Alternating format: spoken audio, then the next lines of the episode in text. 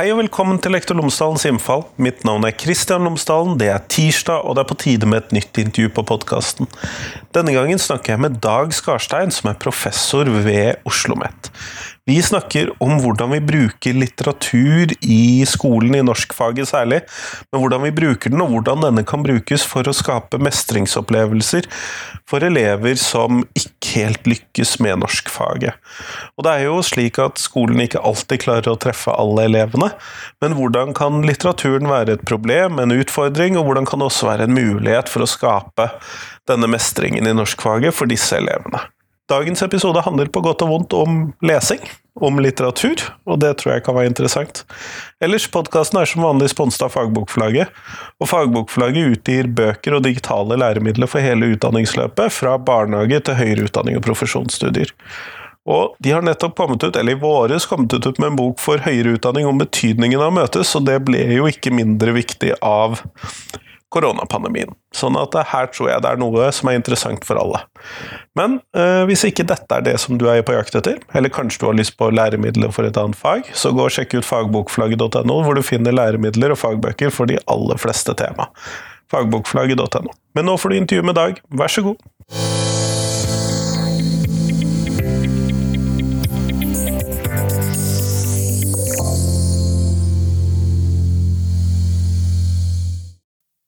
Dag Skarstein, tusen takk for at du har tatt deg tid til meg i dag. Er kjekt. Eh, før vi kommer sånn ordentlig i gang med intervjuet, så hadde jeg håpet at du kunne fortelle lytterne mine tre ting om deg selv, sånn at de kan få bli litt bedre kjent med deg. Ja, altså først og fremst så er jeg jo her fordi at jeg er lærerutdanner eh, på Oslo MET, som det heter nå. Eh, og mitt fagområde og mitt forskningsfelt det er litteraturdidaktikk og klasseromsforskning. Eh, og viktig, eh, en viktig forskningsinteresse som jeg har hatt hele tida mens jeg har forska, det er de elevene som kanskje ikke så lykkes så godt i norskfaget. Eh, vi vet ganske masse om som, hva de gjør, de som, de som lykkes. Eh, men vi vet egentlig mindre om hva som kjennetegner de som ikke lykkes så godt i norskfaget. Så, så det har vært en, en, viktig ting i mitt forskningsliv. Eh, og så for det tredje så er det mange som tror at jeg er veldig opptatt av eh, å bare lese Ibsen og Jon Fosse osv. Men jeg er òg veldig opptatt av TV-serier. Uh, og jeg uh, elsker TV-serier. Og jeg uh, tenker at TV-serier har etter hvert blitt veldig, veldig gode. De har blitt på en måte litt mer lik teateret, med, med åpne slutter og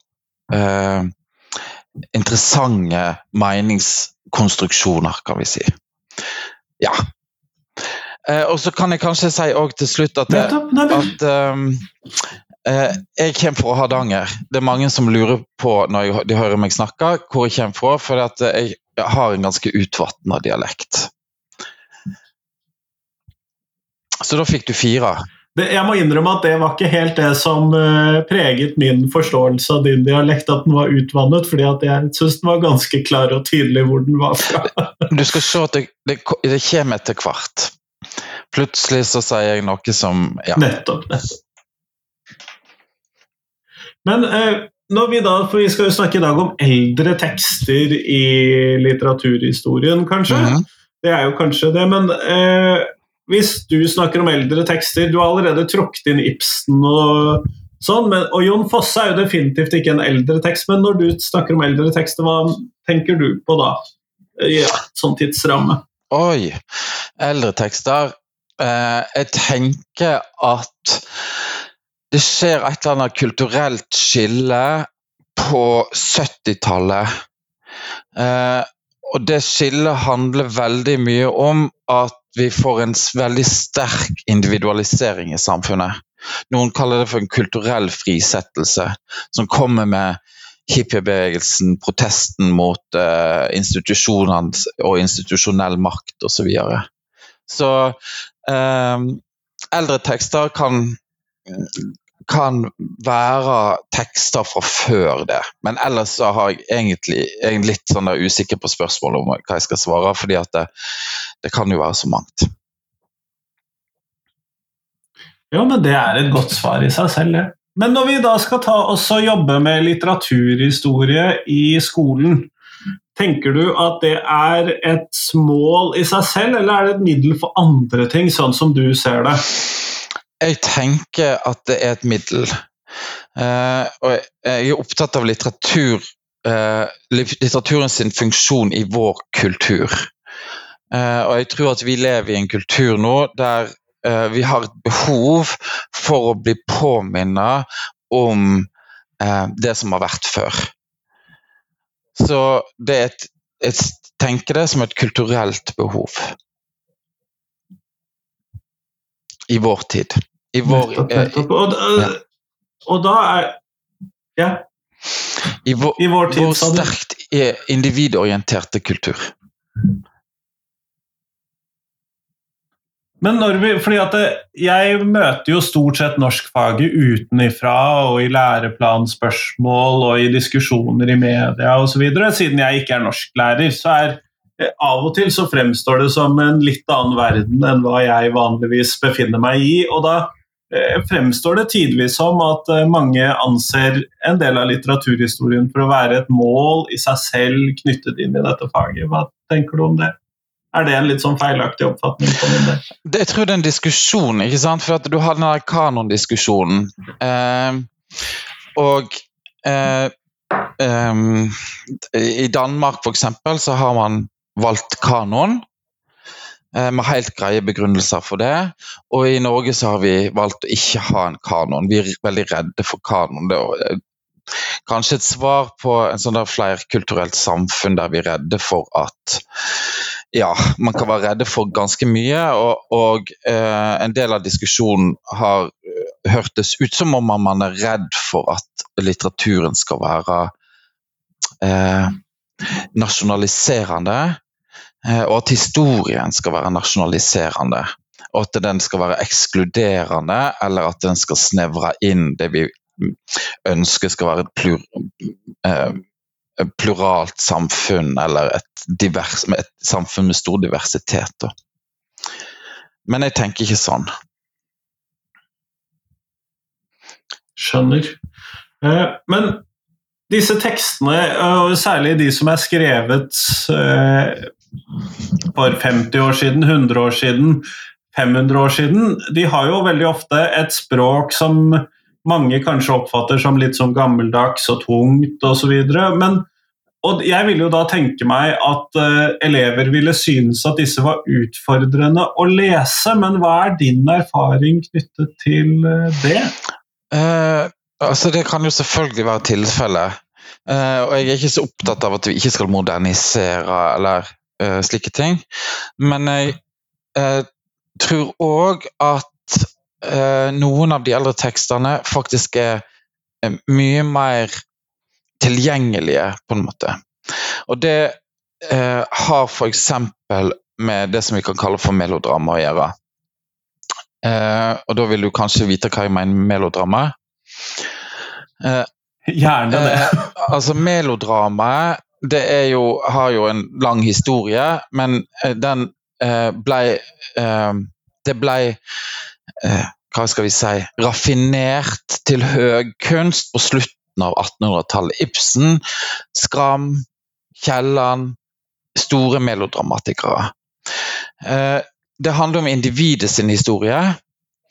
Eh, og bryter med enda eldre litteratur, f.eks. hvis jeg tenker barokklitteraturen, der du har et verdiunivers som eh, er bestemt på forhånd. Altså verden er en jammerdal, Eh, vi skal glede oss til døden. Og så blir det bare ført over på det litterære, og du skal bare finne en litterær form til det. Men i melodramaet så skapes det et verdiunivers i sjøle teksten.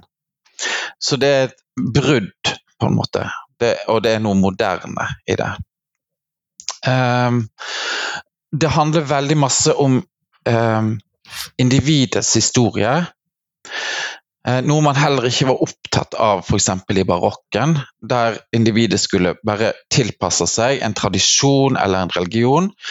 Her skulle individet fram. Eh, autentisk identitet, Nora, ikke sant, skulle fram. Så det handler om eh, individets kamp, individets hindringer på veien. Eh, og jeg har vært opptatt av det fordi at uh, dette har blitt populærkultur i dag. Så 90% av de filmene som lages, enten det er action, romantiske uh, uh, komedier, de har sterke melodramatiske trekk. Det handler om individet som skal sikre sin individualitet eller integritet. Og um, i det gode melodramaet så blir store etiske spørsmål tatt opp, men de blir personliggjort. Og det blir slik at man da kan forstå det mye bedre. Og det er handlingsdrevet, med mange vendepunkter og toppunkter og spenningspunkter. Ja. Så du har da eh, en, en type tekst som var skrevet på 1800-tallet, men som ligner veldig på Hollywood-filmer. Så det trenger ikke være så innmari vanskelig. Og Det kan jo gjøre dem veldig mye lettere å forholde seg til for de unge. Ja, og det kan vi også se sant, i leseundersøkelser, at det, det, er mange som finner veldig stor mening i Synnøve Solbakken og Karens jul og Karen av Kielland. Mm. To av de der du nevnte der, begge de to Karen-tekstene, er jo blant de jeg husker best fra om, om, det var på ungdomsskolen eller videregående, det klarer jeg ikke å Kanskje huske. Jeg mistenker begge steder. Mm. Men ja, sånn er de er jo blant de to jeg husker best, og som jeg nesten kan gjenta. og sånn er det uh, for uh, i de undersøkelsene som er mye nyere òg. Og, og uh, eh, flerkult, i flerkulturelle elevgrupper. Kan det ha noe med temaene å gjøre, eller tror du at det har med hvordan de er skrevet? Bare sånn for Hvis du kunne tenke litt høyt om det. Det har noe med at uh, um, uh, Det som jeg sa, dramaturgien Altså, dramaturgien har disse her vendepunktene og spenningstoppene og overraskelsene og Samtidig så er de ganske sentimentale, altså de appellerer til følelsene våre. Og djup urettferdighet, f.eks. Um, um, og så eh, Akkurat de tekstene er jo altså, de er fortalt på en veldig uh, god måte. Slik at du får det der som vi ofte sier med at du at eh, teksten ikke har et eneste ord som overflødig. Og så Samtidig så utfordrer de oss litt, de får oss på en måte til å tenke. Fordi at problemene som blir tatt opp, er mer allmenne, men de er personliggjorte i disse karakterene. Sine, sine veldig triste skjebner, ikke sant. Mm, de er jo veldig gripende tekster. Mm. De er jo også litt krevende å se fremført, f.eks. Eh, Syns jeg, i hvert fall. Ja, for det kan lett være at det melodramatiske, når det overføres til ei scene, f.eks., at det blir eh, rett og slett too much. Men eh, du snakket jo om at du hadde et, uh, en særlig interesse for disse elevene som ikke fikser skolen så godt. Hvordan, uh, hva er din opplevelse med disse tekstene knyttet til disse elevgruppene, eller denne elevgruppen, eller hvordan vi nå skal formulere det? Jeg tror jeg har lyst til å si bare tre ting om hvorfor vi leser litteratur i hele tatt. Hvis det er greit? Ja, men La oss starte der, ja. Eh, fordi at, ja, ja. Eh, og Da har jeg lyst til å bare snakke om tre ting. Jeg har lyst til å snakke om tolkning, tolkningskompetanse. Så jeg har lyst til å snakke om empati. Og så et slags jeg vet ikke hva vi skal si, et pedagogisk eller eh, didaktisk begrep som vi kan kalle for kontekstuell metabevissthet, eller kontekstuell bevissthet. Um, og så kan jeg komme tilbake til dette her med disse eldre tekstene etterpå det. Eh, altså, Tolkningskompetanse er på en måte det primære for en som underviser i litteratur. Det er hele tida tolkning vi skal framelske hos elevene. Eh, og tolkning handler om å skape større forståelse i noe. Mer mening. Eh, det kan vi trene gjennom eh, å lese fiksjonelle tekster. Og Det vi er veldig opptatt av når vi leser tekster, det er karakterene. Karakterene sine følelser, karakterene sine valg, karakterene sine skjebner. Um, og um, for å um, og det vi på en måte ikke vil ha, det er karakteristikker. Altså, hvorfor gjorde de det de gjorde? Jo, de gjorde det fordi de var dumme, eller fordi de var snille. Vi vil ha en mye større forståelse av den situasjonen eller den konteksten som de befinner seg i. Som, som bestemmer valgene deres, og som bestemmer følelsene deres. Og så er det dette med empati. For det er vi veldig opptatt av i litteraturen nå. Og det er noe greier, men vi, plutselig har vi begynt å måle hjerneutslag og empatiutslag i hjernedeler som, eh, der det skjer. Eh, mens uh, folk leser litteratur, og så ser man at det faktisk gir utslag da, hvis lesningen er engasjert eller innle med, innle med, innlevelse. Og, eh, men det vi ikke veit, det er jo på en måte hvor lenge varer den empatien? Blir man, gir man penger til fattighet og leser lese Karens jul? Og hvem er det man får empati med? Gir man det til de norske narkomane eller de romanske tiggerne osv.? Altså, slike ting vet vi ikke. Så Vi vet ikke varigheten, og vi vet ikke retningen. Men det vi tror, det er at hvis du trener det som vi kaller for kontekstuell metabevissthet, altså at du trener på å tolke handlinger i situasjonen, i konteksten, så utvikler du òg et språk for det, og det tror vi er varig. Ikke sant? Eh, slik at eh, Og i den eh, artikkelen som jeg har skrevet, som du har referert litt til, der ser vi et eksempel på en som leser uten historisk bevissthet eller kontekstuell bevissthet, og sier at Albertine hun kan bare takke seg sjøl. Ja? Og det er jo vår tids ideologi. Det er vår tids liberal, eh, liberale ideologi, der vi snakker om frie mennesker som gjør frie valg. Men teksten, slik den er skrevet, forteller noe helt annet. Rett og slett at hun er fanga, har ikke frihet. Og da kan du jo spørre hvor mye empati er det der i den lesningen. ikke sant? Så det henger sammen. Disse tingene henger sammen. Eh, når det gjelder eldre tekster, da er jeg tilbake til eldre tekster, så er konteksten eller situasjonen eller sammenhengen mye mer eh, annerledes.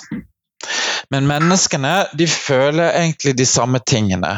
Og de står oppe i mange av de samme konfliktene, men betingelsene og vilkårene deres er mye annerledes. Og Da blir konteksten mye mer tydelig, og derfor så tenker jeg at hvis man skal trene tolkningskompetanse, kontekstuell metabevissthet, empati, så er historiske lesninger en eh, et veldig viktig middel, som vi snakket om da. Heller enn et mål om å få innsikt i, i eh, kanoniserte forfattere. Ja. Og så spurte du om det her med de som ikke de Hvordan som ikke, det er for de som ikke fikser skolen? De som ikke trener de som ikke trente lesere, og som ikke har en eh, tilknytning til litteratur. Eh, og de vil ofte da lese uten den kontekstuelle metabevisstheten. Som jeg sa, han som sier at Albertine bare kan takke seg sjøl, eller som mener at Nora går fra Torvald fordi at hun må vaske opp og passe ungene og sånt.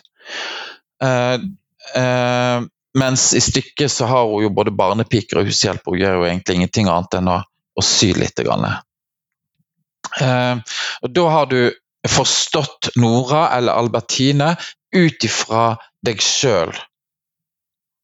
Ja. Og det er på en måte det problemet. Og samtidig er det det som legitimerer at vi skal jobbe med litteratur.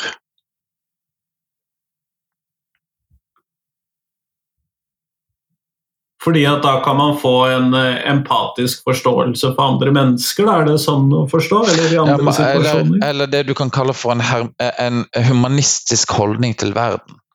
Der du, der, du, forstår andre mennesker i, uh, i deres kontekst. Eller der du forsøker å forstå konteksten for å forstå menneskene. Og det er en mye mer humanistisk holdning til andre mennesker. da. Istedenfor å forstå det ut ifra deg sjøl. Men det kan jo da bli viktig sånn oppimot f.eks. dette medborgerskaps uh, tverrfaglige tema, f.eks. Ut ifra hvordan du nå fremstiller det. Ja, det er viktig i forhold til alle, alle tverrfaglige temaer. Tolkning, en, en tolkende holdning til verden er òg en kritisk holdning til verden, f.eks.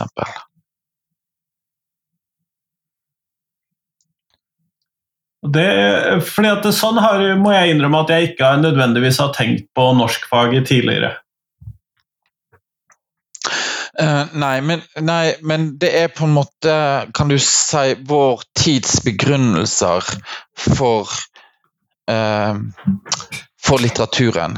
I ei tid der uh, elever ikke, veldig mange elever ikke har et forhold til litteratur. De um, er ikke interessert i å lese Ibsen, ikke sant? Eh, så må vi, må vi, på en måte Hvis vi skal holde på med litteratur, så må vi på en måte grunngi det på en annen måte enn litteraturen for seg sjøl. Eller at det er så veldig bra litteratur, eller at læreren liker så godt litteratur så den vil på en måte smitte over entusiasmen sin. Ja. Litteraturfaget er veldig utsatt Noen ganger så kan det jo virke sånn. Ja, og litteraturfaget er veldig utsatt for det vi kan kalle for folketeorier. Og som jeg med et litt kritisk blikk av og til blir kalt for middelklasseverdier. Um, um, og en middelklasseverdi Og det må du nesten forklare. Vi, ja, altså at vi leser uh, Vi må lese litteraturen, for litteraturen er så viktig og så må man måtte stoppe det der. Og litteraturen kan fortelle deg noe som du eh, ikke kan forstå uten å lese litteraturen. Hvis du ikke tror på det, og det er veldig mange elever som ikke tror på, eh, så skjer ikke det vidunderlige heller. Og da er hele litteraturfaget i fare hvis en stor nok del. Ja. Så Eh, derfor har jeg jobba en del med, med begrunnelser for å, for å lese litteratur. Når jeg begynte på min doktoravhandling, så var jeg faktisk ganske i tvil sjøl. Men jeg har etter hvert blitt veldig, veldig sikker på at det er veldig, veldig viktig. Jeg kan godt snakke om flere grunner til eh, at jeg mener det er viktig. Gjør gjerne det, Dag. Uh, en annen ting er at jeg har Um, orientert meg innenfor danningsperspektivet, men jeg har spesielt orientert meg innenfor literacy-perspektivet. Det handler om uh, at man overfører makt til individet gjennom utdannelsen. Gjennom å gi dem en språklig og tekstlig kompetanse i en verden som er mer tekstlig mediert enn noen gang. Og da er det sånn at uh, tekster leses ikke som bare som tekster, altså gjennom grunnleggende ferdigheter. Nei, du setter deg aldri ned og leser en tekst bare uten å tenke på hva type tekst du leser. Det gjør man ikke, selv om læreplanene før antok det gjennom at man skulle holde på med grunnleggende ferdigheter gjennom hele skoleløpet. Um, men um, det som fik fiksjonstekster kan hjelpe deg til i, her, i denne her problematikken her, det er uh, rett og slett å forstå hva en tekst hmm, Skal vi se Hva en tekst vil. Eh, fordi at en sakprosatekst den leser vi på den måten at vi tenker oss at, eh, at Vi leser den på den måten at vi sammenligner den med verden hele tida. Vi spør stemmer dette her og her, og hva skal jeg bruke den teksten til? Men fiksjonen den leser vi med helt andre spørsmål i hodet. Spør hva verden er det jeg skal inn i? Sant? Hvordan funker det her med orkene i 'Ringenes herre'. Eller, sant? Ja. Og eh, vi må òg stille oss spørsmål om hvorfor blir, hvorfor, hva skal det fortelle oss. Hvorfor blir den skrevet? Det er såkalte metaspørsmål. Eh, og de har på en måte ingenting med deg. De har ingenting med at du skal lære noe til en prøve, eller at du skal få vite hvordan du skal vaske klærne dine, som en sakprosatekst det har noe eh, eh, Fiksjonsteksten fører deg inn i en verden der du hele tida må spørre deg hvordan fungerer denne verdenen her. Og Det kaller vi for et metaspørsmål. Og meta er et nøkkelbegrep i literacyen. Det handler om å lese en tekst fordi den teksten er meint for å lese. Og for å kunne tenke seg den teksten i det fellesskapet som forstår den teksten. Slik at hvis du leser en fiksjonstekst hvis du, leser, hvis du ikke har fiksjonsforståelse, så vil du ha problemer med alle de blandingssjangrene som finnes i dag. Reality eller dokusåper eller, eller andre ting som forsøker å um, forvirre deg. Eh, og samtidig så blir du sårbar overfor den tekstverdenen. Fiksjonsforståelsen er en forforståelse som hjelper all form for lesning. Jeg veit ikke om det ble litt uklart? Det, jo, jeg, og jeg tror det gir mening, Dag. Og det, det, som det da får meg til å tenke på, er kanskje at denne, dette metanivået, eller denne metabevisstheten eller metatenkningen rundt tekstene vi leser, kanskje, kanskje vi burde gjøre mer av det når det kommer til sakprosatekster, med tanke på det at vi eh, er i en eh, tid hvor vi ikke nødvendigvis er enige om de grunnleggende fortellingene om hvordan verden henger sammen. At kanskje det er en større evne til å drive denne metatenkningen også på sakprosatekster kanskje vil kunne hjelpe oss med det. da. Jeg er veldig enig i akkurat det der. der At eh, vi må eh, skape en eller annen form for forståelse av at vi konstruerer verden, og den konstruksjonen som vi eh, skaper altså, gjennom Den er narrativ. Grunnleggende narrativ.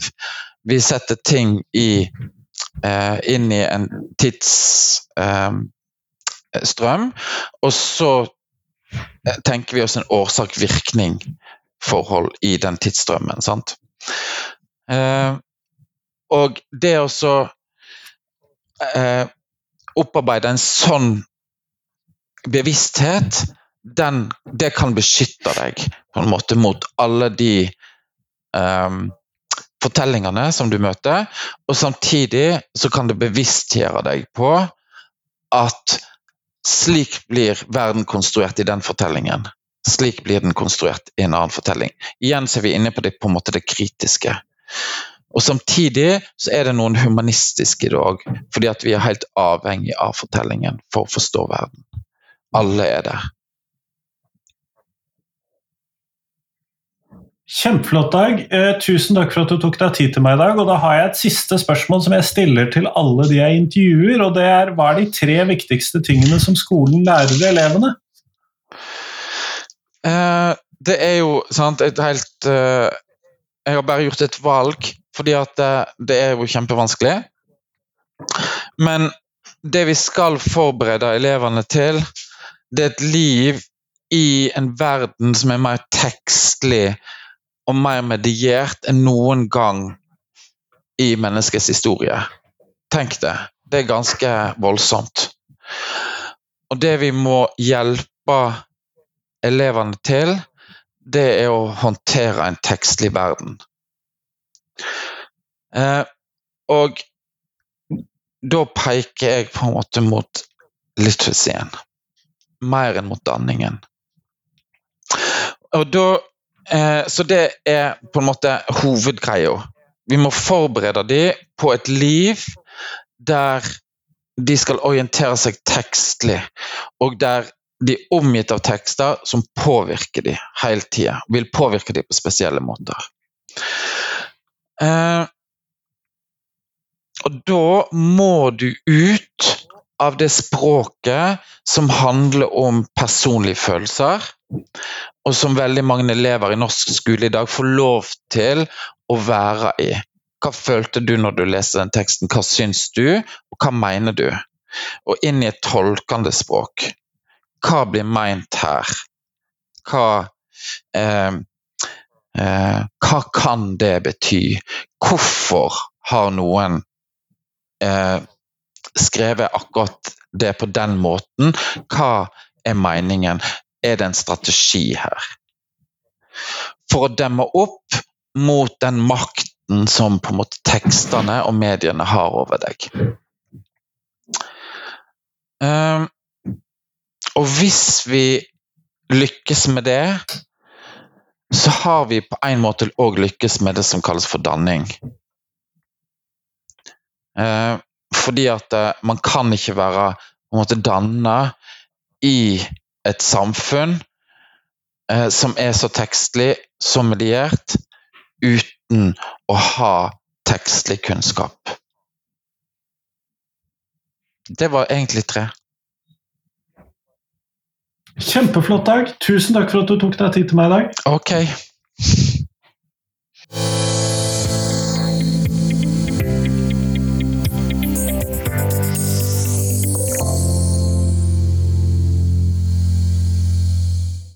Tusen takk til Dag, og tusen takk til deg som hørte på.